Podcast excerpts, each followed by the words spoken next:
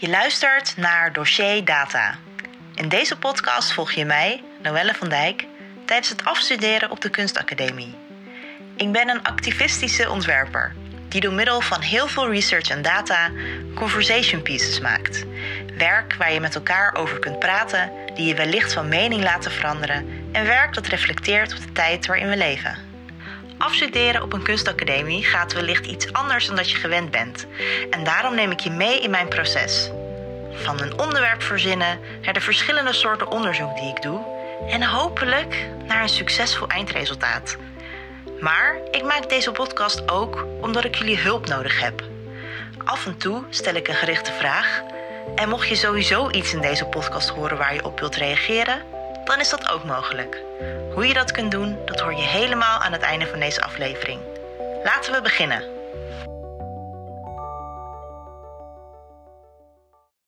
Zaterdag 18 april, 12 uur 33. Ik heb mezelf eindelijk achter, achter mijn computer weten te slepen. Want uh, ik heb er vandaag echt even geen zin in. en soms heb je wel eens dat soort dagen. Ik voel me gewoon helemaal niet creatief. Dus ondanks dat ik me vandaag had voorgenomen om verder te gaan met mijn onderzoek, denk ik echt van: ah, dit zit er gewoon echt even niet in. Maar ik kan me ook niet permitteren om niks te doen.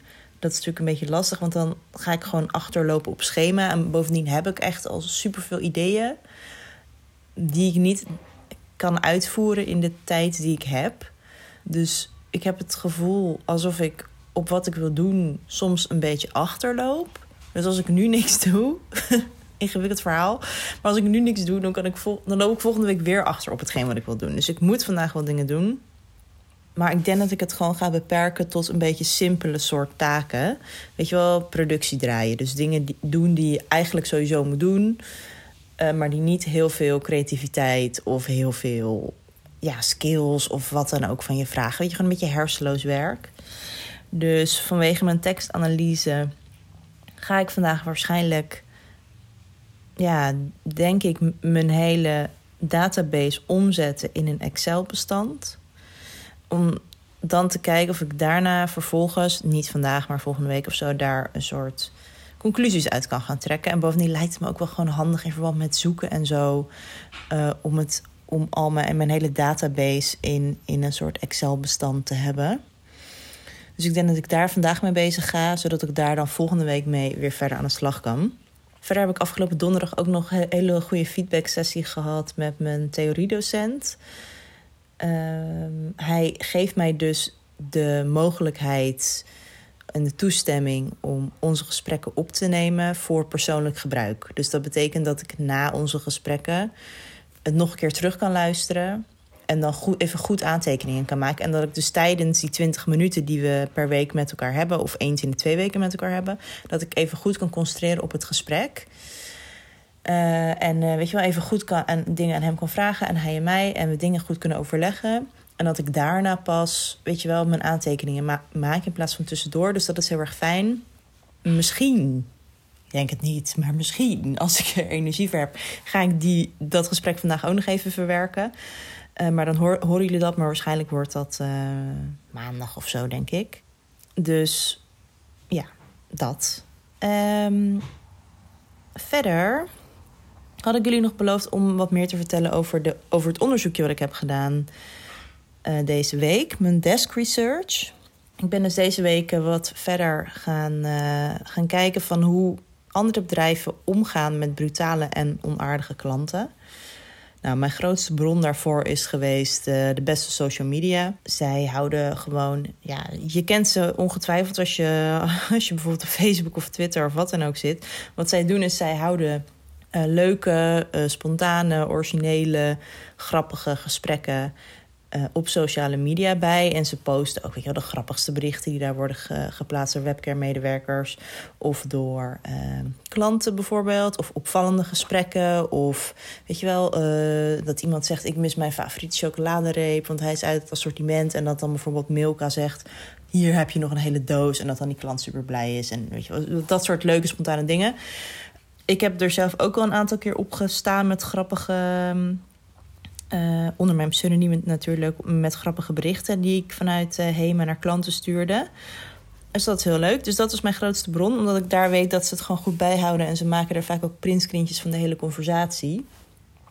Tussen de klant en, uh, en het bedrijf. Maar goed, dus ik wilde heel graag weten van hoe, gaan andere, hoe reageren andere bedrijven op brutale en onaardige klanten. En dat is uiteindelijk best wel een leuk onderzoek geworden. Bijvoorbeeld het voorbeeld van PostNL. Iemand die twittert beste PostNL. Beste PostNL, vindt u het niet kwalijk dat u de nog in ontwikkeling zijnde longetjes van ons eenjarige zoontje diverse malen per dag komt vergiftigen met dieseldampen? Alles voor de winstmarge of gaat u subiet deze gifbussen door uitstootvrije exemplaren vervangen? En dan zegt PostNL, we zijn ermee bezig, Vicage. En dan posten ze een, foto van, uh, nou ja, groenere, groener vervoer wat ze willen gaan gebruiken. Zoiets heeft echter wel tijd nodig. Ik zie dat je midden in Amsterdam woont. Kijk ondertussen anders even op Funda voor een leuk huisje op het platteland als je je zo druk maakt over de gezondheid van je kleine. Thank you PostNL. Dit, is, dit, is, dit zijn dingen die je denkt als webcare-medewerker, maar niet plaatst. Tenminste, ik zou dat soort dingen nooit plaatsen. Dat mag gewoon echt niet. Um, of tenminste, dat wordt gewoon echt niet gewaardeerd. Ik zou niet zeggen dat het per se verboden zou zijn om het voor HEMA te doen. Maar het, weet je wel, als je gewoon door lang genoeg werkt, heb je wel een beetje gevoel van dingen die wel en niet kunnen. En dit is gewoon te onaardig. Maar ik vind het wel persoonlijk heel goed. En het past ook wel heel erg in de trend van wat ik zou willen zeggen tegen een klant. Um, even kijken, wat zijn nog meer leuke voorbeelden? Oh ja, met het Zilveren Kruis. Uh, zegt de klant op Twitter op de automatische mail. U ontvangt binnen drie dagen antwoord. Kunt met hoepen op reageren en dan krijgt u weer hetzelfde antwoord enzovoort. Zegt iemand anders tegen hem, een andere twitteraar... het lijkt wel de braadworstbot die het Zilveren Kruis... ik blijk trouwens dat account geblokkeerd te hebben... ongetwijfeld met reden. Zegt die eerste klant weer... voorkomen terecht, het zijn oplichters deluxe, het Zilveren Kruis. Dan reageert Zilveren Kruis en zij zeggen tegen die klant: Hoi Jaap, waar vraag je onze mening precies over? Zegt Jaap: over, over, overigens spreken wij elkaar hier met u aan. Ik heb niet met u op school gezeten en ook niet met u geknikkerd. Zegt het Zilveren Kruis. Hoi Jaap, wij spreken iedereen aan met je en jou via social media. Via de e-mail en telefoon spreken wij met u. Zegt Jaap, u bent dus een onbeleefde hork, ook goed zegt het Zilveren Kruis. Dankjewel Jaap, heel vriendelijk. Na 21.044 tweets moet je toch wel doorhebben hoe social media in elkaar zit. Als ik je kan helpen bij je verzekering, laat je het maar weten. In ieder geval een fijne dag. Zegt Jaap, val dood. En daarop zegt hij, zegt hij Jaap dan zelf dus ook weer... dit was niet duidelijk. U kunt dan helemaal niks. Hup aan de slag en rap een beetje. En dan reageert het Zilveren Kruis met... Hoi Jaap, ik kan je moeilijk helpen als je mij 10 minuten geleden de dood inwenst. Wellicht even bellen met ons. Dus dat vind ik ook wel een hele mooie, want die Jaap wordt daar echt op, op zijn plaats gezet. Eh, ik heb overigens ook wel eens deze discussie gehad met een klant. Want wij spreken op social media ook mensen aan met je en jij. Want dat is, ja, je bent gewoon informeler op social media. En letterlijk wat die man zegt, weet je wel, je spreekt mij aan met u. We hebben niet met elkaar geknikkerd, niet met elkaar op school gezeten. Dat heeft iemand ook wel eens tegen mij gezegd. Waardoor ik nu echt denk, was dit dezelfde irritante man? En ook dat ze doen door gewoon op ja, dat ze gewoon zeggen: Ja, je hebt me net de dood ingewenst, dus ik kan je nu niet helpen.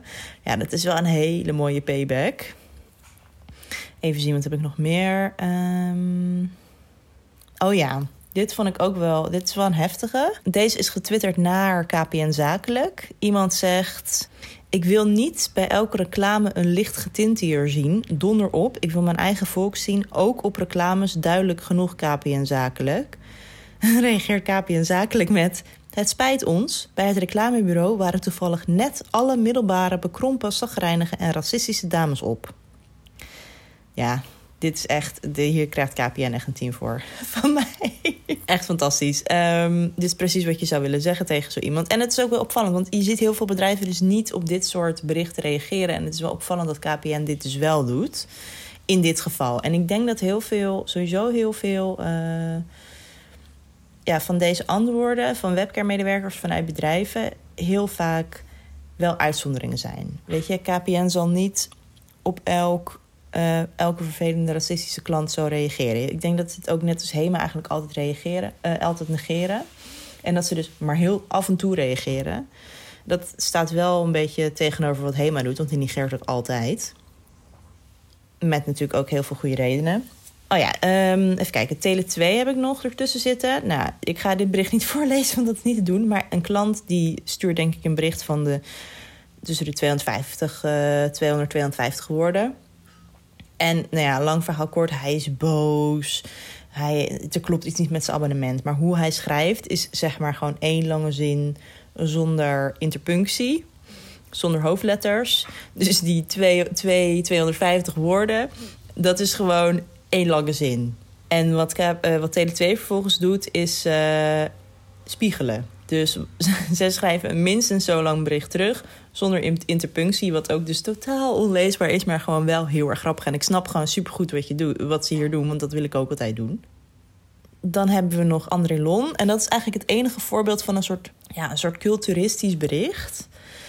Uh, André Lon heeft, ik geloof dat het vorig jaar was, een uh, plaatje gepost waarop staat Ramadan Karim. En daarbij iedereen een fijne Ramadan gewenst. Zegt ene Anja, zegt... Goh, jammer, heb dit niet gelezen met kerst. Ze reageert André Lon. Met kerst was het dan ook geen Ramadan, Anja. En dit is, ja, ik vind het een hele goede terugkomer op zo'n soort culturistisch bericht. Want het is grappig, neemt de verzender in de maling. En je laat zien hoe je er als bedrijf over denkt. Ik denk alleen niet dat Anja nog heel snel André Lon zal kopen na dit voorval. Dus dat zijn natuurlijk ook dingen waar je ja, rekening mee moet houden als bedrijf zijnde. En dan hebben we nog één voorbeeld van Hema. Dit is een voorbeeld nou, van 2016. Dit is echt al vier jaar oud. Ik weet ook nog toen dit gebeurde. Iemand uh, twittert, een klant twittert in hoofdletters... waarom doet Ed Hema zo'n kutsticker op een fucking spiegel? En daarbij heeft ze dus een foto geplaatst van een handspiegeltje... Uh, met, uh, waarvan de sticker op de spiegel is geplakt. En ze krijgen hem er niet vanaf. Weet je wel, je kent dit wel als je ergens een stickertje op hebt... en je wil hem er vanaf trekken... en dan blijft allemaal van die soort halve sticker... met dat soort wit ruw en lijm en zo blijft over. Je kent het wel super irritant. Heeft iemand gereageerd bij ons. Het Maartje, ook in hoofdletters trouwens. Je kunt er gewoon een klein beetje olijfolie op de fucking spiegel smeren, Maartje. Dat doet al wonderen. nou ja, dit is echt niet hoe het moet. Dit is een heel oud bericht, zoals ik al zei. Uh, hier wordt ook wederom gespiegeld wat de klant doet. En ondanks dat dit bericht gewoon op de afdeling onderling tussen collega's echt een heel groot succes was, is degene die, hier, die dit had gepost er wel gewoon op aangesproken. En dit bericht wordt altijd in trainingen gebruikt als voorbeeld van hoe het dus niet moet. Maar desondanks wilde ik het wel dus even in mijn onderzoekje meenemen. En ja, ik denk dat de conclusie hiervan is, van dit onderzoek, dat het dus wel werkt als je, de, als je er een beetje tegenin gaat. Dat je een beetje de klant kan spiegelen als je wil. Want ik heb dit onderzoek gedaan omdat ik op dit moment wil ik dus heel graag op alle berichten zelf gaan reageren. Zeg maar fictief. Alle, alle berichten uit de database die ik heb gemaakt wil ik eigenlijk gaan reageren. En ja, daarvoor had ik een beetje een soort, uh, een soort frame nodig van, van wat is nou precies de bedoeling. Nou ja, verder in mijn desk research wilde ik ook nog weten van hoe reageren anderen, normale mensen, burgers, gewoon de gewone burger op online uh, racistische, culturistische berichten. En toen kreeg ik dus van een klasgenootje, kreeg ik dus het Instagram-account Geert is de doorgestuurd. En Geert is de Messias is een Instagram-account. Uh, waar de beheerder dus reacties en foto's laat zien van racistische, culturistische mensen. En die reacties die worden vooral gevonden onder uh, nieuwsberichten op Facebook. Dus dan post hij eerst dus een printscreen van nou ja, uh, van het uh, artikel zelf. Dus bijvoorbeeld HEMA is keihard geraakt door de coronacrisis. Zie je een, uh, een printscreen daarvan. En dan vervolgens als je gaat swipen, dat is zo'n soort swipe post op Instagram... zie je dus de racistische berichten die mensen zeggen... en op hun profielfoto geplakt. Dus je kan dus even precies zien wie dat zegt.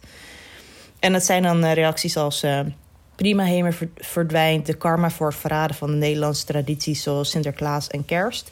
En dan zie je een, uh, ja, ik zou zeggen, een babyboomer stel staan voor de Notre Dame in Parijs. Uh, je ziet een Gonnie zeggen: door de Nederlandse tradities te verloochenen, tekenden ze voor hun ondergang en weg uit Nederland. Hema, ga maar verder in de landen waar jullie wel de gebruiken van eren.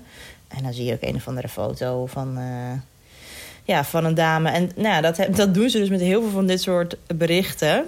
En laten ze dus zien wie de mensen zijn achter die, um, ja, achter die, achter die lelijke berichten. Dus dat vond ik, het is wel een heel erg interessant Instagram-account, omdat het heel erg ook raakvlakken heeft met mijn project.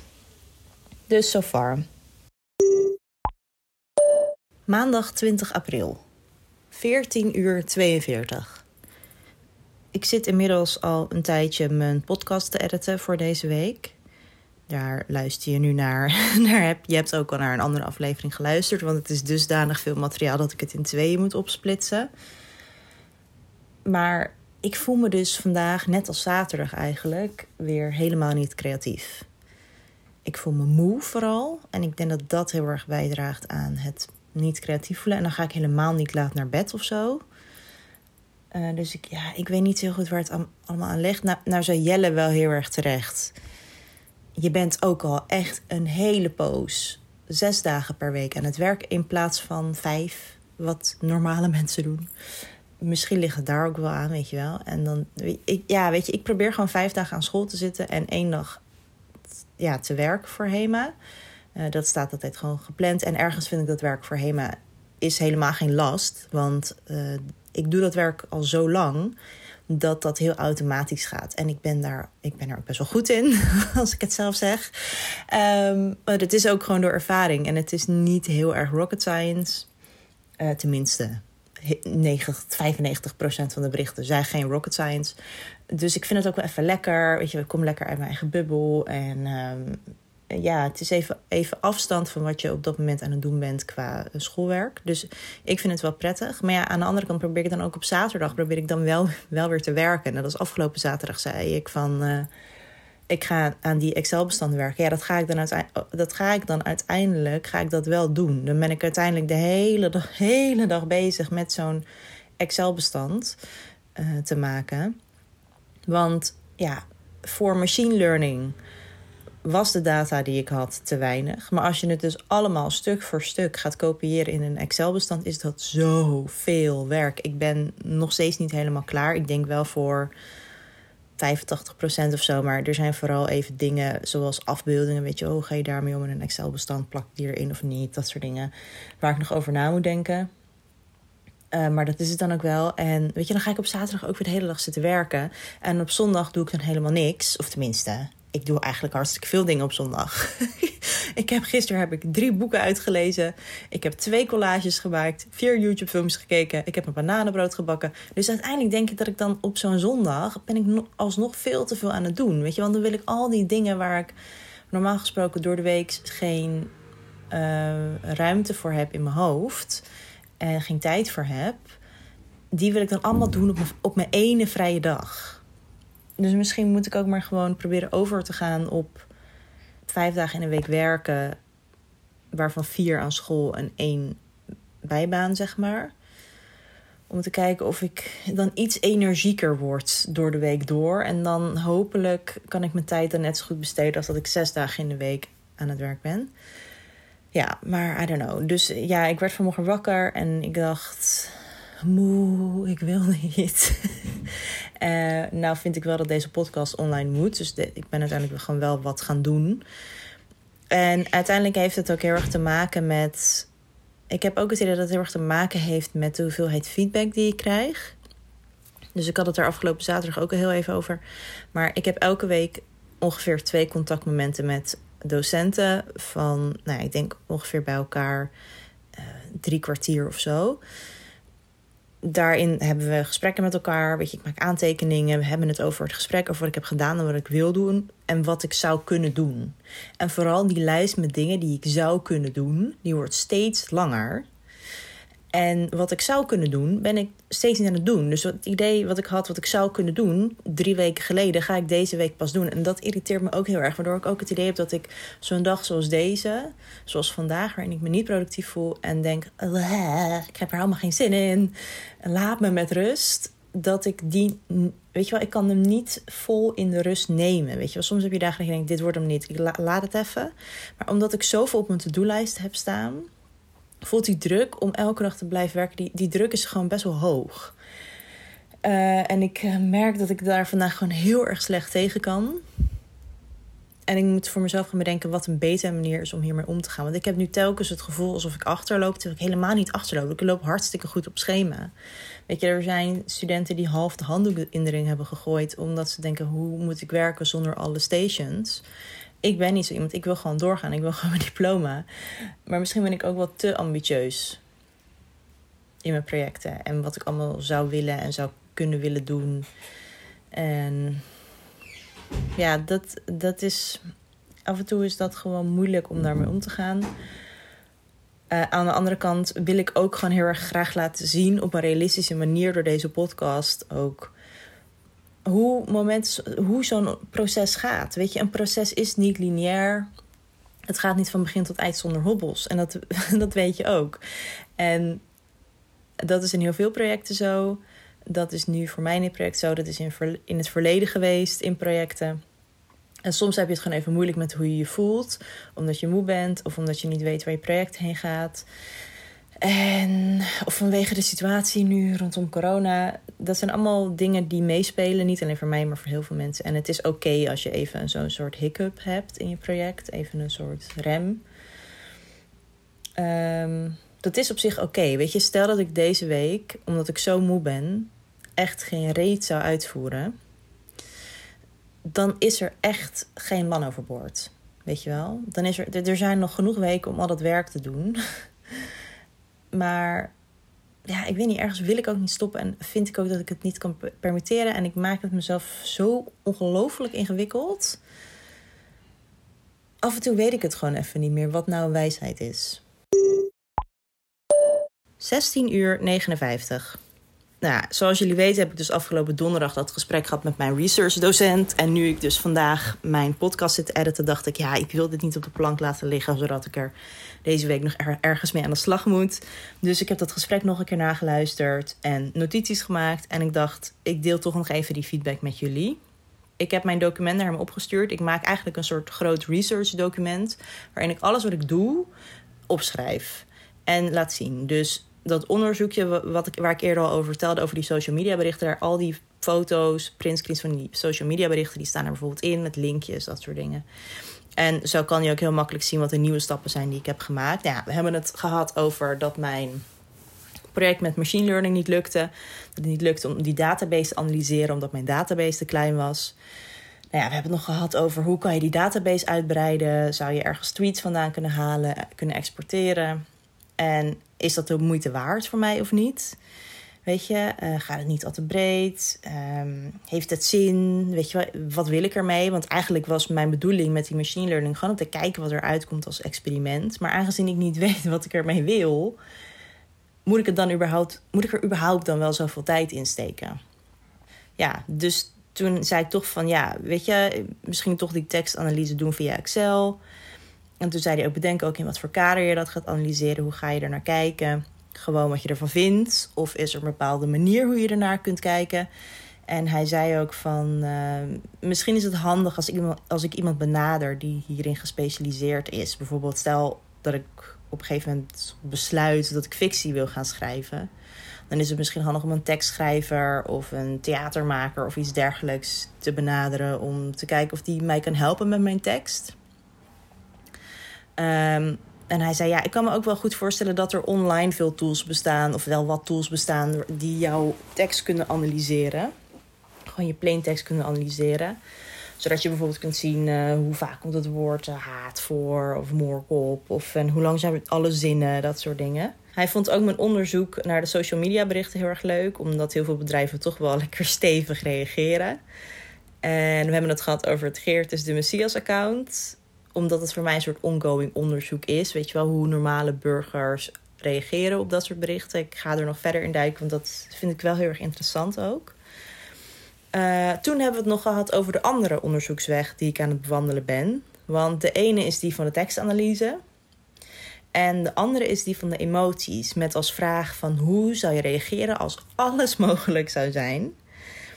En toen hebben we het ook even gehad over van hoe ervaar jij zo'n dag zoals die van de moorkoppen? En ja, weet je, dat is toch wel een beetje onmacht. Want ik wil iets, namelijk terugreageren. En het liefst een beetje hard en een beetje lullig, wat niet mag. En ja, op zo'n soort dag onderga je sowieso heel erg veel emoties. In eerste instantie denk je wanneer je al die berichtjes binnen ziet komen van... oh my god, zucht, daar heb je ze weer met een grote eye roll... die ik net ook letterlijk deed, maar die jullie natuurlijk niet zagen... omdat het een podcast is. Uh, maar goed, uh, na die eerste zucht denk je van... Um, ja, na een uur van dat soort berichtjes te hebben gelezen... raak je wel gewoon een beetje geïrriteerd. En als je dan over het punt van irritatie heen bent... dan kan je er vaak gelukkig wat grappen over maken met je collega's... Dan kan je een beetje erover lachen, een beetje kijken wat voor zinloze discussies met elkaar voeren terwijl ze HEMA taggen. En daarna word je sarcastisch, omdat je alles al zo vaak hebt gelezen. En dan kan het toch zomaar zijn dat je de dag afsluit en een beetje bozig weggaat. Dat je denkt, ja shit, ik kan hier helemaal niks tegen zeggen of niks tegen doen. Dus er zit wel een soort curve in van hoe je je voelt gedurende, die dag. En dat is wel heel erg interessant, denk ik. Want in die end, weet je, ik werk toch bij een klantenservice. En we reageren niet omdat die mensen vragen niks. In die database die ik heb gemaakt zit letterlijk één berichtje waar we op hebben gereageerd. En dat is iemand die vraagt: verkopen jullie nog moorkoppen? En daarop heeft een van mijn collega's iets gezegd aan het rand van... kom naar de winkels en je ziet het vanzelf. Maar dat is omdat er echt een vraag wordt gesteld. En je kan niet als medewerker zijn in zo'n soort maatschappelijke discussie gaan voeren. Want hetgene wat jij zegt, wordt gepost vanuit de naam van HEMA. Dus automatisch maakt HEMA dan een soort van statement. Dus als ik ooit iets zou zeggen, iets zou mogen zeggen op zo'n soort bericht, zou dat altijd eerst langs management moeten gaan. Want anders zeg ik iets uit de naam van HEMA waar zij misschien helemaal niet achter staan. En dat kan natuurlijk niet. Dus feitelijk zijn er verschillende reactiemogelijkheden bij zo'n soort bericht. Als we het hebben over de berichten in mijn database natuurlijk. En dat is niet reageren. Uh, reageren omdat er een vraag in staat. En dan is er natuurlijk nog mijn eigen reactie die nooit naar boven komt. En hij zei wel van ga nou echt beginnen met jouw eigen reacties op te schrijven. het is heel erg interessant om te kijken hoe ik me daarbij voel op het moment dat ik heb gereageerd. En op mijn berichtje zou ik ook nog een soort tekstanalyse kunnen toepassen, zei hij. En daar zou ik ook weer een soort karakterschets van kunnen maken. Bovendien heb ik ook gewoon die behoefte om te reageren. Dat hebben die mensen die die berichten posten in eerste instantie ook. Die hebben die uitlaatklep al gehad en ik niet. Dus het is zeker interessant voor mij om daar een collectie van aan te leggen. Uh, ook omdat ik dan niet alleen maar met andere mensen bezig ben, maar ook met mezelf. En ik kom er dan op een gegeven moment ook achter wat het betekent voor mij. En vanuit dat gevoel en die aanleiding zou ik kunnen bepalen um, ja, wat, wat mijn project voor doel heeft en wat voor vorm het moet hebben. Dus ja, toen heb ik ook het nog even gehad over het uh, gesprek met mijn afstudeerbegeleider. Dat ik zei van ja, ik kan geen installatie maken. Had ik heel graag gedaan. Weet je wel, een hele kamer gemaakt met al die haatberichten bijvoorbeeld. Maar nu overweeg ik toch om een boek te maken in deze omstandigheden. Maar ja, ik had graag natuurlijk zo'n kamer gemaakt om te laten zien wat, wat, je nou, ja, wat je nou eigenlijk onder oog krijgt allemaal. En toen zei ik ook nog van vertelde ik hem ook nog over het pseudoniem waar ik onder werk, die ik nu even in deze podcast Merel noem. Uh, want hij wist dat ook nog niet. Ja, en toen vertelde ik ook van mijn afstudeerbegeleider, zei van misschien moet je gaan handelen vanuit je pseudoniem. En nou ja, weet je, ik vind dat ook wel cool, want het is een soort van mijn echte alter ego. Ik heb echt een alter ego daar. En ik vind het op zich wel een interessant idee. Dat vond mijn research docent ook. Hij zei, weet je, je hebt dan wel een heel erg specifiek perspectief van waaruit je ontwerpt en vertelt. Dus hij vond het op zich wel een goed idee. En toen zei ik ook van ja, weet je, ik vind het ergens ook wel een beetje eng. Want het zou betekenen dat ik na deze periode van het afstuderen ook afscheid moet nemen van deze naam. En ik heb deze naam al vijf jaar en ik ben er heel erg aan gehecht. Dus ja, ergens maakt dat het ook wel interessant en spannend. Maar ja, stel, weet je, ik, ik maak een boek en staat op mijn website en ik schrijf het onder mijn pseudoniem Merel. Dan uiteindelijk weet iedereen dat Noelle is Merel. En weet je, stel dat ik na mijn studie, uh, naast mijn grafisch ontwerpen klussen, een studiootje die ik hopelijk ga oprichten, of dat ik bij een tof bedrijf ga werken, stel dat ik nog een paar dagen in de week of een dag in de week bij Hema blijf werken, dan moet ik hem dus veranderen. Uh, want dan is mijn pseudoniem is opeens googlebaar. En dan ben ik te herleiden. En dat wil ik natuurlijk niet. Dat mag ook helemaal niet. Dus ik zou eigenlijk door vanuit mijn pseudoniem te gaan werken, zou ik ook een soort van mijn pseudoniem killen. en ja, ergens heeft dat ook wel wat. Want ik, eh, ik ben begonnen met deze bijbaan een jaar voordat ik met deze studie begon. Toen in mijn eerste jaar, heb ik even een pauze gehad. Toen, uh, in mijn tweede jaar, ben ik weer teruggevraagd.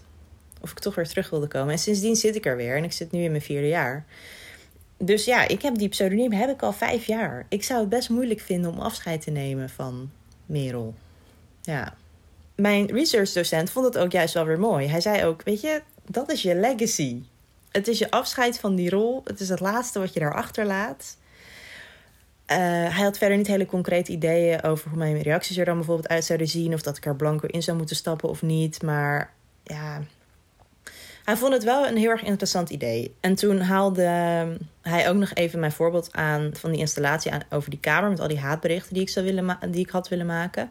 En toen zei ik ook van, weet je, het is ook een soort realisatie van wat ik op een dag te lezen krijg. En toen zei hij weer, ja, wat krijgt Merel nou op een dag allemaal binnen? En wat doet dat met Merel? Dus dat personage van Merel is wel handig om erbij te houden ja, het idee is nu dat ik ga vragen aan mijn contact bij of het misschien mogelijk is om te exporteren wat ik die dag uh, allemaal, allemaal heb gezien wat, wat, toen ik aan het werk was. Al die moorkop haatberichtjes en tweets. En of hij dat misschien voor me zou kunnen exporteren, zodat ik ja, ook meer data heb, maar ook ja, meer een duidelijk overzicht heb van wat zie je nou daadwerkelijk op zo'n dag. En verder hebben we het nog gehad over hele praktische dingen. Weet je, welke programma's gebruiken jullie? Uh, hoe gaat dat beantwoorden precies? Hoe verdeel je wie wat gaat doen tussen je collega's? En, en wat is op tijd antwoorden? Hoe ziet je interface eruit? Dat soort dingen. Uh, en hij vond dat soort dingen super interessant. Dus ik vroeg mij ook af, voor jullie, de luisteraars... wat zijn dingen over mijn werk bij HEMA die jullie willen weten? En dat mogen hele praktische dingen zijn. Want ik doe dit werk al zo lang... dat ik niet precies meer zie wat er nou speciaal aan is... Uh, zoals met elk werk wat je heel erg lang doet. Misschien zijn er vragen, misschien zijn er dingen die jullie afvragen die ik me helemaal niet realiseer. Dus ik zou zeggen, stuur me dat op via WhatsApp.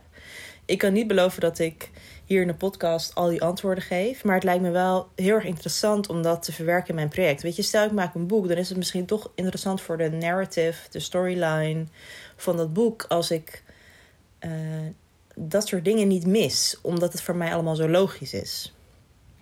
Maar goed, jullie snappen, dit was ongeveer de hele feedback. En ja, ik ga dit nu maar weer verwerken en dan ga ik nu maar weer kijken wat ik ermee kan doen.